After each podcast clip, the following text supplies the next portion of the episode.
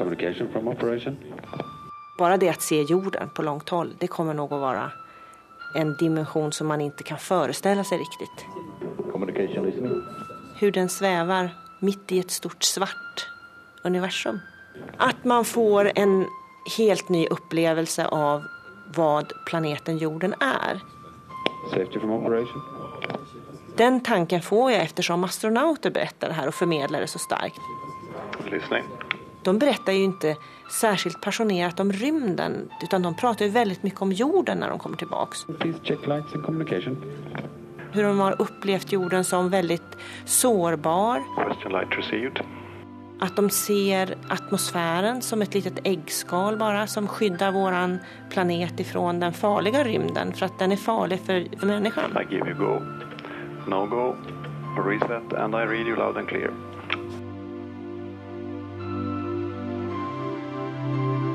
Jeg var ikke gammel, kanskje seks år da jeg så det.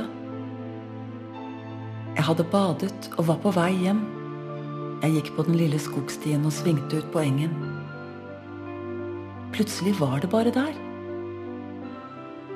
Som et grått vidunder hang det i luften over tretoppene.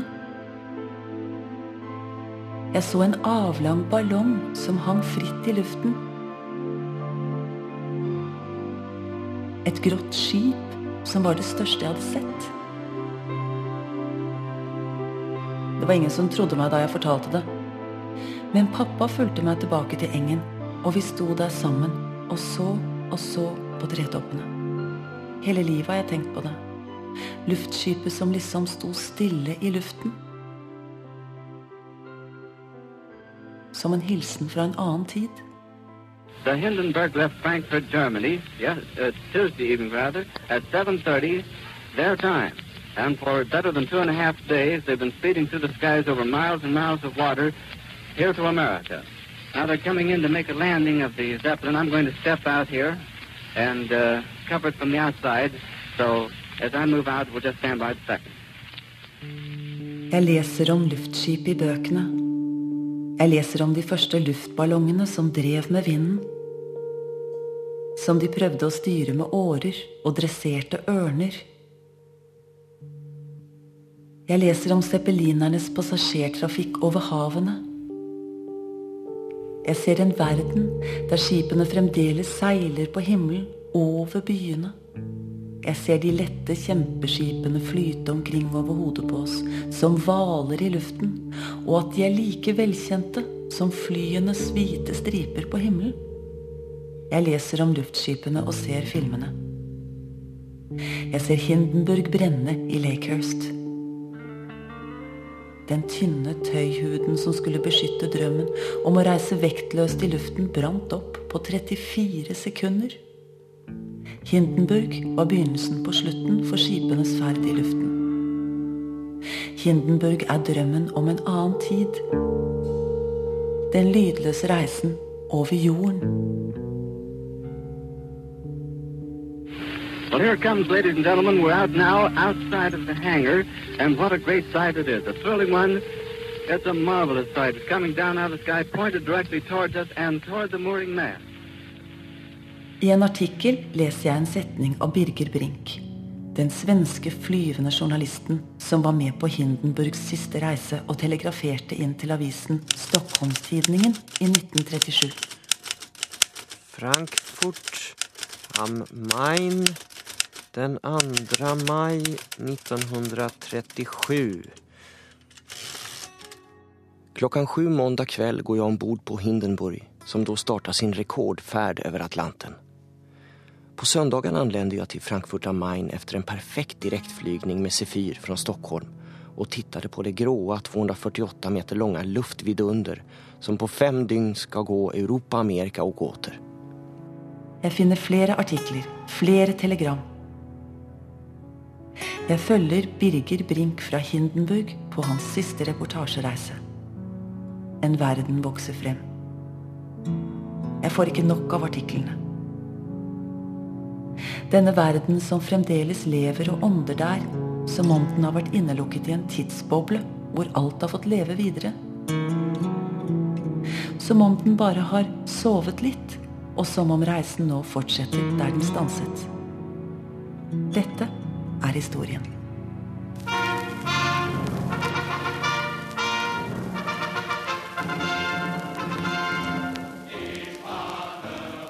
Ombord på Hindenburg over Frankfurt den 3 maj klockan 20 over 8 på kvällen. Lättare än en ångbåt som i kav lugn sjö lägger ut från en kaj startade Hindenburg från Frankfurt. Innan passagerarna fick stiga ombord kroppsvisiterades de grundligt och fråntogs alla tändstickor. Jag hade före starten köpt mig en ask men fick eh, lämna den ifrån mig. Hundra par armar grep luftskeppets linor. Långsamt drogs luftjätten ut. Medan ett SA-kapell spelade släpptes linorna och Hindenburg steg ljudlöst över det upplysta Frankfurt. Aftonhimlen i väster står i flammor. Motorernas dova surr ger oss ett intryck av att vara ombord på en ångbåt. Kvällen är fantastiskt vacker. Vi går med god fart i väst-nordvästlig riktning. Jeg har sett fotoen av Birger Brink.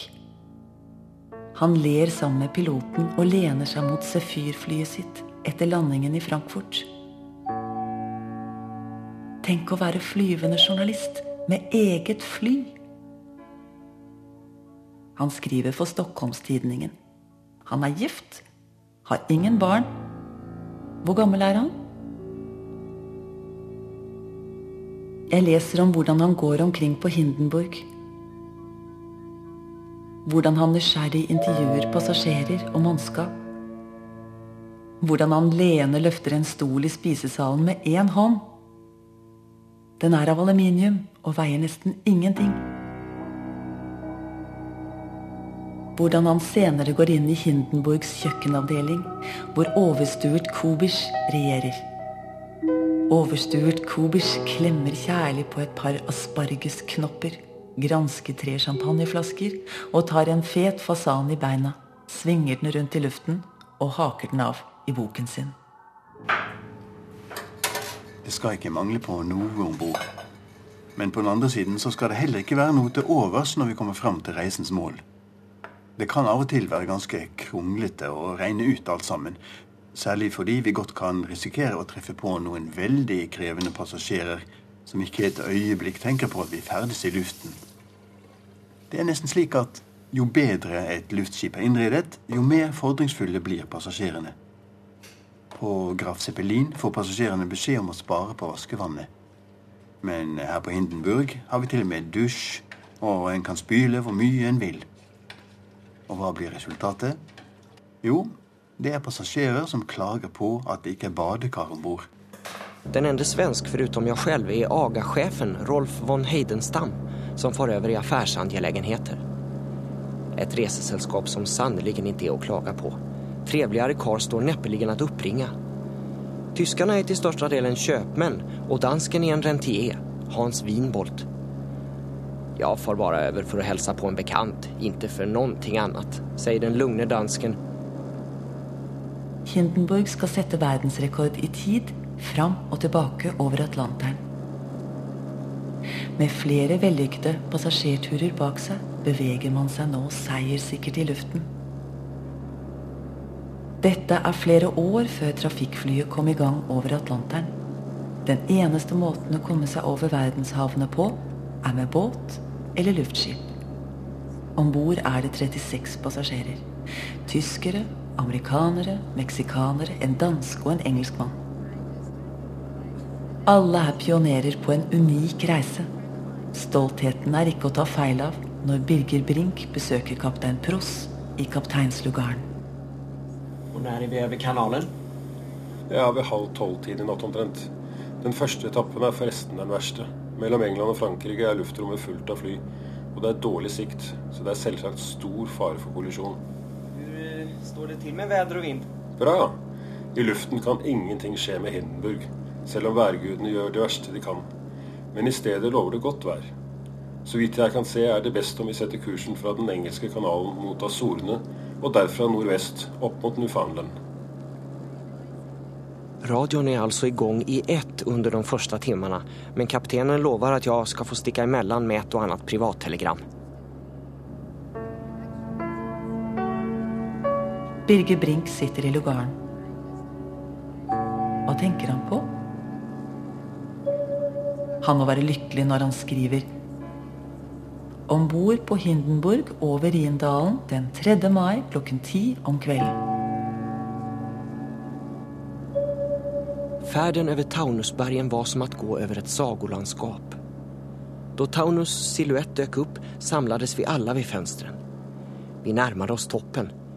Vi går jo rakt på berget, utbrister en meksikansk dam ombord, fru Mathilde Döner. Hennes make, köpman Herman Döner, är tyskfödd och familjen som varit på visit i hemlandet efter många års frånvaro är på väg tillbaka till Mexiko, där barnen är födda.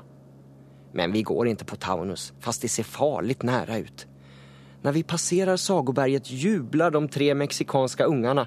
13-åringen Irene, 9-åringen Walter och 6-åringen Werner. Våra strålkastare spelar mot bergsluttningarna. Det blir allt mörkare. Endast en svag dimma i väster lyser ännu. Bare en time senere kommer neste telegram. Klockan 20 över nio kommer vi til Köln. Den opplysta staden ligger som et jättesmycke. Alla ljus släcks ombord for at vi skal få njuta av skådespelet. Over flygplatsen stoppas motorene. Post kastas ned i fallskjerm til strålkastarljus. Supén er serverad. Vi får buljong, kalvstek og grønnsaker med fruktgelé. En herlig årgång madeira drikker jeg til desserten. Bredvid meg i matsalen sitter kammerherre Rolf von Heidenstam. Det er midnatt på luftskipet. De flyr over den engelske kanal. Nå skriver Birger Brink til redaksjonen sin hjemme i Stockholm det telegrammet som skulle bli det første jeg leste av ham hjemme ved frokostbordet. Luftskeppets gang er underbar. Den siste väderleksrapporten var avgjørende for rutten. Det er bestemt at vi går den sydligere veien over Azorene og derifra legger kursen mot Newfoundland. Ni skulle være med. Månen skimter mellom et par moln. I månsken og det underbareste väder går vi ut över Atlanten. Hva er det med de ordene som fanger meg så? Som gjør at jeg senere samme dag sitter på Kongeliga bibliotek i Stockholm og blar i mikrofilmene fra Stockholmstidningen fra mai måned 1937. Skjønnheten i språket. Entusiasmen som liksom ligger innbakt i tiden. At jeg, i motsetning til Birger Brink, vet hvordan reisen slutter. En voldsom lengting etter å få oppleve det han opplevde akkurat da. Det er virkelig ganske selvsamt å gå og legge seg på Hindenburg. Er du redd, Birger Brink? Ikke det minste? Du reiser i en tøyballong flere hundre meter over havet. Havet er uendelig. Dette er din første natt om bord. Hvordan føles det? Det kjentes absolutt ingenting. Det dova avlägsna motorsurret har redan gått inn i medvetandet. Man merker det ikke lenger. Man kjenner ingenting. Inga skakningar, inga vibrationer går gjennom det veldige metallskelettet. Jeg håller just på å sovne da stewarden knakker og frågar om jeg vil komme ut og se noe vakkert. Naturligvis. Vi har nådd omtrent i høyd med Dover. Himlen flammar framfor oss. Det er et uvanlig praktfullt åskväder. Luftskeppet går inn over engelska kusten for å unngå urladdningarna.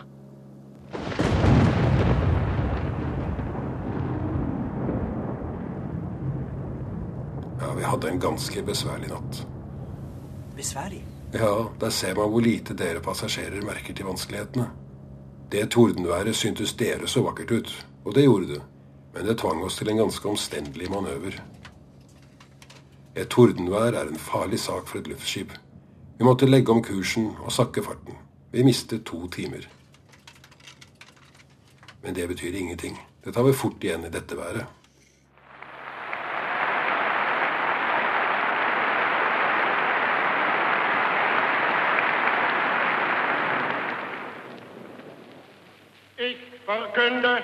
Die Spiele von Berlin zur Feier der 11. Olympiade neuer Zeitrechnung als eröffnet.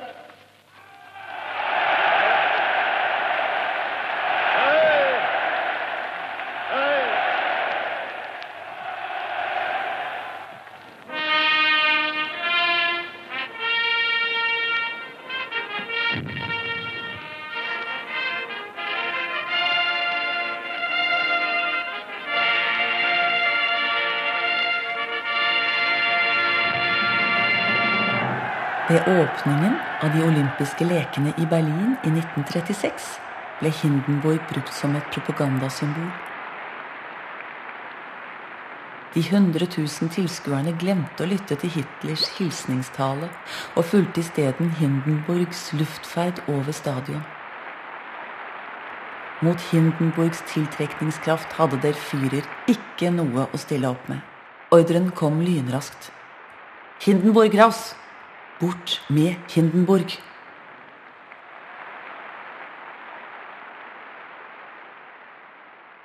Noe senere ble doktor Eckener, sjef for Zeppelin-selskapet, innkalt til møte med propagandaminister Goebbels i Berlin.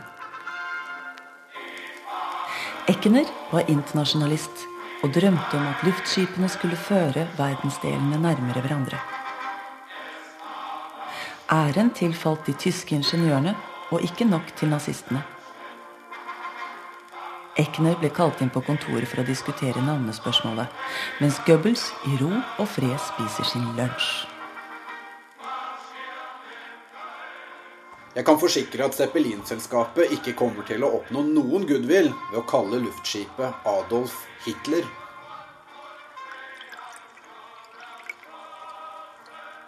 La meg få forklare, doktor Ekner. Det er vi som er staten. Det er vi som har satset penger på å bygge luftskip. Og enda viktigere vi representerer alt som det tyske folket hittil har frembrakt. Vi skriver ikke bare deres lover, vi er deres verk.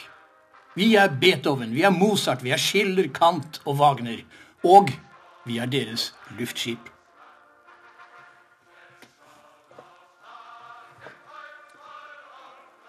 Jeg har beordret at Hindenburg i det minste i Tyskland, bare skal nevnes ved sitt produksjonsnummer LZ129.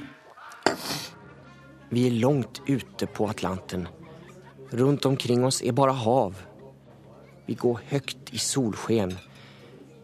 Frokosten er serverad. Nejlikor og iris står på borden, friska som om de nyss plockats förvarade i speciellt inredda rum med lagom värme och fuktighet för att hålla sig. Obersteward Kubis har låtit baka ferske brötchen til dagens første mål som består av egg, et slags små wienersnitsler og kaffe eller te. Vi har dusjet, låtit den friske, saltmettede atlantvinden blåsa inn på oss gjennom et par fønster og snabbpromenerat på dekket for å få bort all morgentrøtthet og få aptit. Og om det smakar. Bästa aptiten vid frukosten hadde de tre mexikanska barnen Irene, Walter og Werner. Sexåringen Werner var emellertid svår å holde fra fönstren. Han ville ikke gå miste om noe som hendte under honom men passar ändå på å stoppe en bit av en wienerschnitzel i munnen på luftskeppets enda hund, chefen Ulla, når husse et øyeblikk vände ryggen til. Ulla er et ganske merkelig djur, men husse er enda märkligare. Han heter Josef Spa og er en av Tysklands fremste eksentriske komikere. Hans artistnamn er Bendora. Og han spiller bare én en enda roll, berusad. Han er verdens fremste specialist på å spela full og hans fornemste slager er å spela gatelykta. Josef Spa skal over til New York for å spille full på Radio City Music Hall. I høst kommer han til Stockholm, engasjert av tivoliet. Han er den absolutt mest originale passasjeren om bord. Ulla von Hoptar er også et merkelig djur. Hun er mye stor og mye klok og dresserad at spela husses partner når han spiller full. Ulla var først ganske redd når motorene sattes igång. Hon kröp under en soffa och lät sig inte lockas fram. Nu har hon akklimatiserat sig och tycks trivas. Jag frågar Spa hur han ska få in hunden i Förenta Staterna.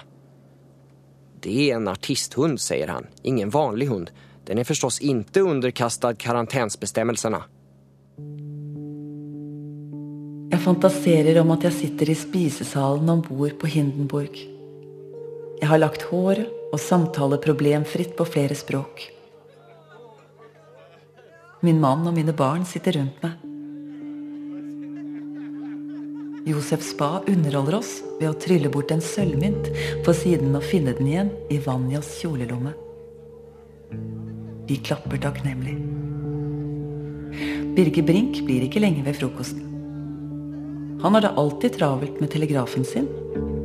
Hans nærvær er kort og intenst der han går omkring med sin notisblokk. Han lyser nesten. Noen herlige timer går. Just som jeg sender dette telegram får jeg følgende rapport fra befalet. Posisjonen er 47 grader 36 minutter nordlig bredd, 13 grader 45 minutter vestlig längd. Vi har gått ned på 300 meters höjd og holder en fart av 56 sjømil i timmen. Kursen er rakt västlig. Tyskerne spiller schack, andra skriver brev.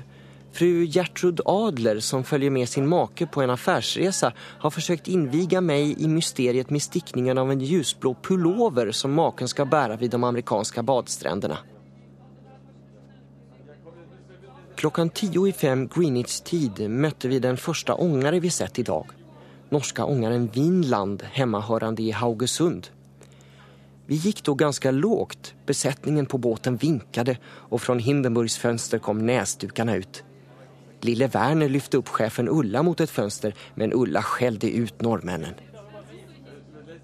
Vi går nu i vest-nordvestlig riktning. Under oss går toppige vågor i riktning mot Europa. En verdenskrig skulle snart bryte ut. Alle dere passasjerer var nøye sjekket av SS. Luftskipet dere reiste med, var egentlig konstruert til å fylles med helium, edelgassen som ikke er brennbar. Men et amerikansk forbud hindret salg av helium. Visste du det? Artiklene dine har ingen spor av det. Dere spiser sjokoladekake under der Fyrers portrett i salongen. Dere konverserer belevent. Nyter utsikten. Spaserer på promenadedekket. Hakekorset, så høyt som et femetasjes hus, pryder Hindenburgs siderord. Det skal synge ut om hakekorslandets tekniske freidighet over New York, skriver du. Du er helt oppfylt av skjønnheten. Drømmen. Det ville nok jeg også vært.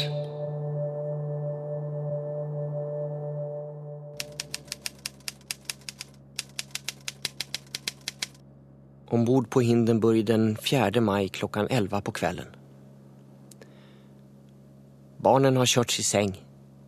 Det gikk ikke uten protester fast den niåringen Walter redan somnat två ganger over sin bildebok, som han maler i under veien, og for varje blad skriver målat ombord på Hindenburg den 4 maj 1937.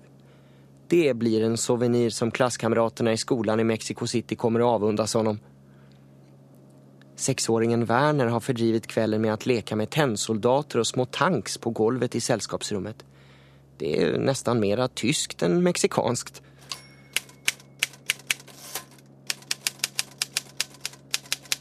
Ulla har etablerat hungerstrejk. Efter mötet med norrmännen ombord på Vinland har hon varit butter, varför vet ingen, och bestämt vägrat att äta. Kammarherre von Heidenstam försökte med en skiva rostbiff under middagen, men hon bara fnyste. Nu ligger hon i ett hörn och tjurar. Dimbankarna ligger här och där över oceanen. Kall nattluft sveper in när man öppnar fönstren. Några har gått till sängs, andra tupplurar i fåtöljerna. Man vill sova så lite som möjligt för att inte gå miste om någon upplevelse. Man känner sig lätt som en dansös när man strövar omkring i den här silverglänsande jättecigarren tusen meter över Atlantens svaga dyning. Alt her om ombord er lett. Jeg tror du nøt hvert eneste sekund om bord. Du har på en eller annen måte fanget selve livsfølelsen i dine artikler. Hvordan tror du det ville vært å vende tilbake til hverdagen etter en slik reise? Ville livet vært vakrere? Eller ville alt tvert imot blitt smått og innestengt? Antagelig tenkte du ikke slik i det hele tatt. Ombord på Hindenburg den 5 mai klokken sju på morgonen. I natt passerte vi Azorene, fast så langt norrøver at vi ikke skymtade det minste ljus fra ögruppen. Händelsen celebrerades med en sen supé till vilken det serverades sparris, kalvkotlett och renvin.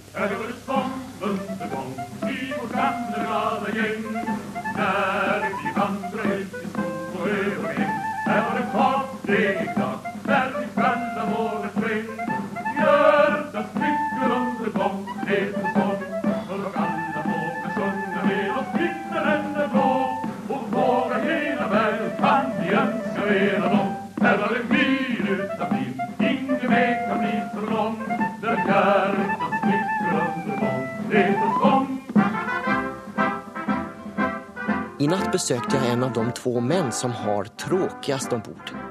Det är de besättningsmän som under hela resan sitter inkrupna i sidorodren, en i vardera. Rodren är nämligen så tjocka att en man gott och väl får rum där inne. Han sitter där ständigt på vakt för att övervaka att ingenting händer med roderledningen och har ett fönster att se ut genom.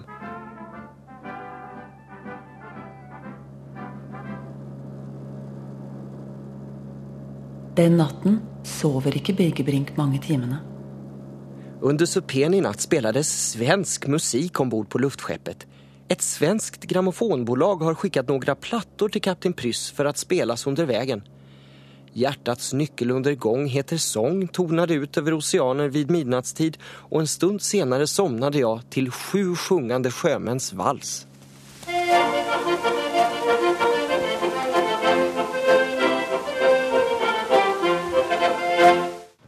Frisksportaren ombord på Hindenburg har en sammanlagd väglängd av 60 meter att motionera på. På båda sidor om hytterna, sällskapsrummen, matsalen, läs- och skrivrummen löper promenaddäck. På dessa 60 meter motioneras just nu chefen Ulla. Solen steker och vinden blåser friskt från väster. Klockan sex morgon är vi framme i Lakehurst om tidtabellen håller. Dette er det siste telegrammet jeg leser av Birger Brink. På mikrofilmene fra Stockholmstidningen mangler den 5. mai. Hvorfor det? Jeg ringer til Universitetsbiblioteket i Lund og får vite at det var helg, og at ingen aviser kom ut. Det siste telegrammet finner jeg i stedet i Aftonbladet, som kom ut med et kveldsnummer den 5. mai. Det er mer enn ett døgn igjen av reisen. Vi har lunchat tidigt och står i kö för att få röka en cigarett. Det är bara på ett ställe ombord man får röka, i rökrummet som är fantastiskt väl isolerat på grund av eld- och explosionsfara. Hit rusar samtliga röksugna passagerare efter lunchen och de som inte hinner fram i tid får stå i kö och vänta tills en plats blir ledig. Man tar fram sigaretten, stiger inn og får den tent av en steward som ser til at man slekker den ordentlig og lagt sigarettstumpen ifrån seg innan man får gå ut. Alle som har uvanen å røyke i sengen, får en nyttig oppfostring under en ferd med Hindenburg.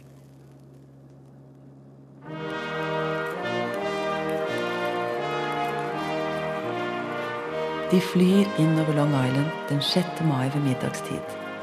Skipet tar en runde om Frihetsgudinnen, og på Empire State Building trenger tilskuerne på for å komme så nær skipet som mulig. De vinker med lommetørklær og fotograferer når skipet passerer. Well, here it comes, ladies and gentlemen. We're out now outside of the hangar, and what a great sight it is. A thrilling one. It's a marvelous sight coming down out of the sky, pointed directly towards us and toward the mooring mast.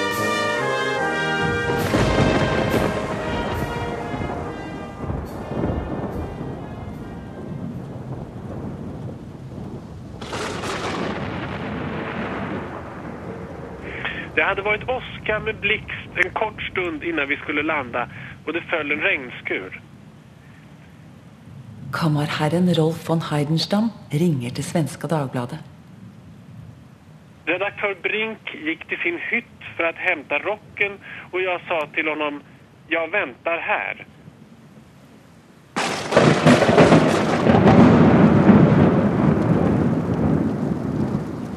Det lät som ett fruktansvärt sprängskott och luftskeppets bakre del föll hastigt mot marken. Hettan blev i en hast fullständigt intensiv. Det dröjde säkert mindre än en minut innan allt var övertänt. Jag klättrade upp i ett fönster liksom många andra och hoppade ut. Det var sex meter till marken där jag föll på ryggen. Redaktör Brink fastnade troligen i hytten og hadde ingen mulighet å redde seg gjennom å hoppe ut gjennom noe fönster.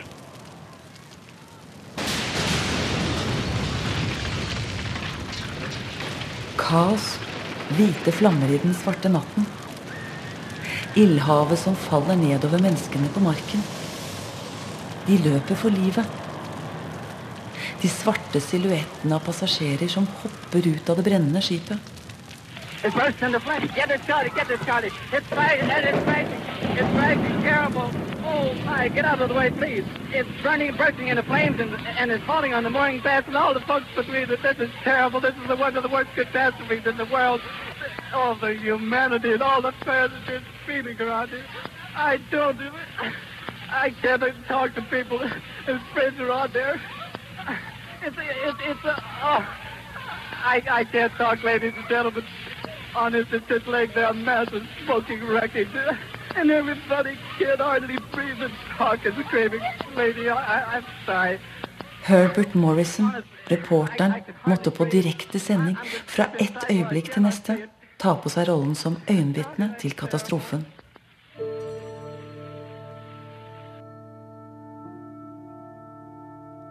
Hindenburg eksploderte, og en hel verden så på.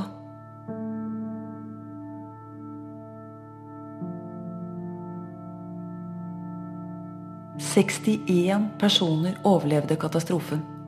36 døde. En av dem var Birger Brink. Josef Spa klamret seg fast i en vinduskarm på utsiden av spisesalen, 40 meter over marken. Da han beregnet fallet til 15 meter, slapp han taket. Josef Spa kom fra det med en brukket fot. Fru Mathilde Døner måtte kaste sønnene sine ut gjennom vinduet i brannen. Mor og sønner overlevde. Den eldste datteren, Irene, sprang i den retningen hun sist hadde sett sin far, og omkom etter noen dager på sykehus av brannskadene. Faren, Herman Døner, døde. Jeg gråt da jeg leste om det.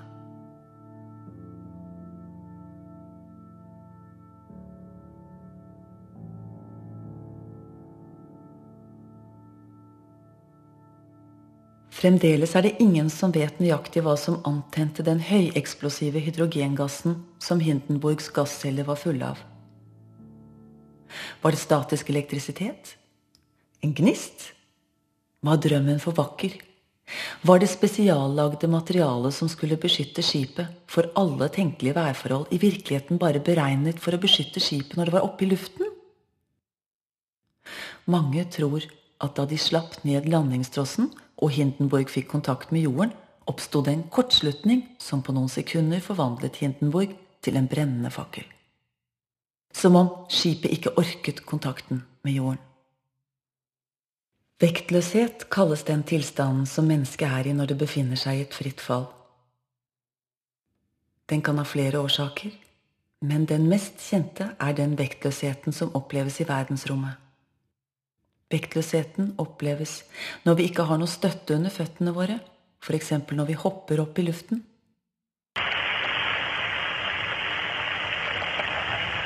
The second umbilical will retract just moments from now. There it goes. We have a go for main engine start. Intermediate. main and We have main engine start. liftoff. Engines at maximum thrust. And liftoff. Liftoff of the Soyuz rocket as Jeff Williams, Max Sarayev, and Guy Laliberté begin their journey to the International Space Station. Nominal. First and second stage. Good pitch program according to flight controllers. The Soyuz heading toward a link up with the International Space Station two days from now. Vi var uppe då på 350-360 kilometers noen få ganger jeg fløy. Svensk-norske Christer Fuglesang er astronaut. To ganger har han vært ute i verdensrommet i romskip. Jeg ringer ham idet han er på vei til jobb i Houston.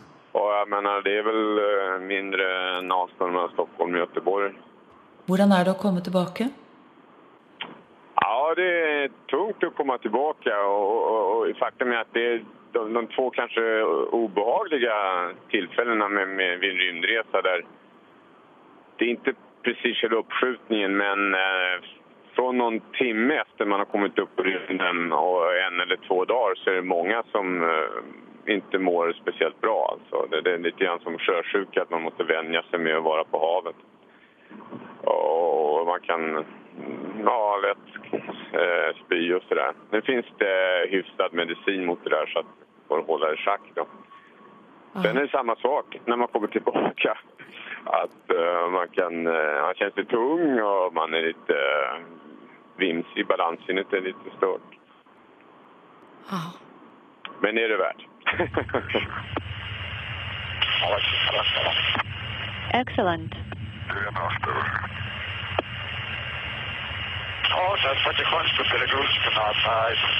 About 20 seconds to go until the jettison of the four strap on boosters. All systems reported to be in excellent shape.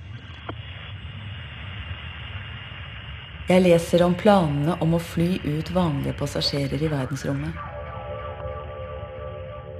Jeg ser Guy La Liberté, sirkusdirektøren, holde en direktesendt TV-galla fra rommet. Han har betalt hundretalls millioner for å følge med en russisk romferje til romstasjonen. Han har trent i månedsvis sammen med kosmonautene for å bli den første kunstneren i verdensrommet. Om 50 år kommer sirkuset hans, Cirque du Soleil, til å gi forestillinger i rommet. Jeg ser at han kommer tilbake til jorden. Lander i en kapsel på steppen i Kasakhstan. Han hentes ut av romstolen sin. Han ser helt rolig ut med sin røde klovnenese og vinker til kamera.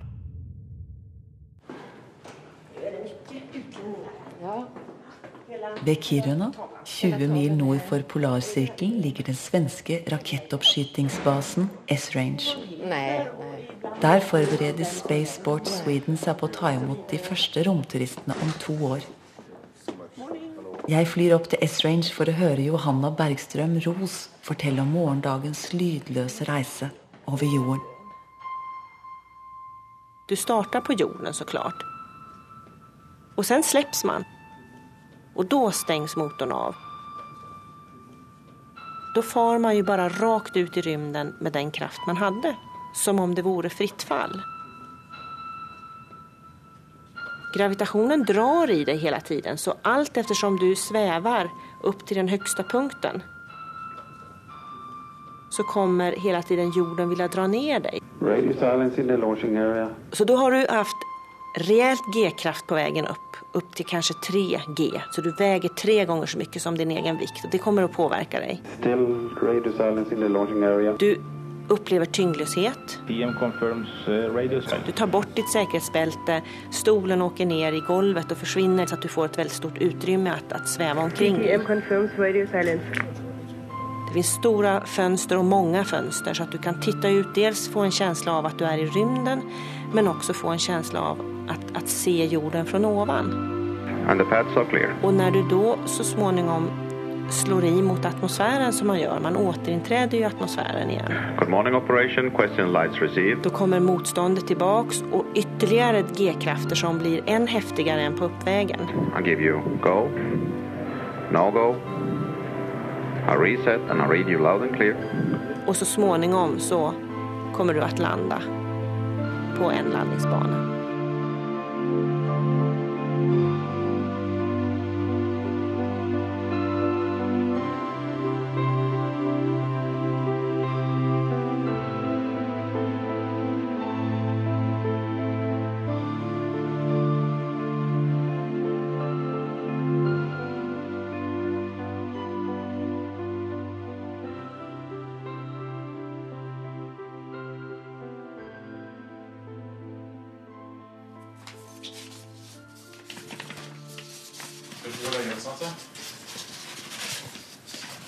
Kommer snart.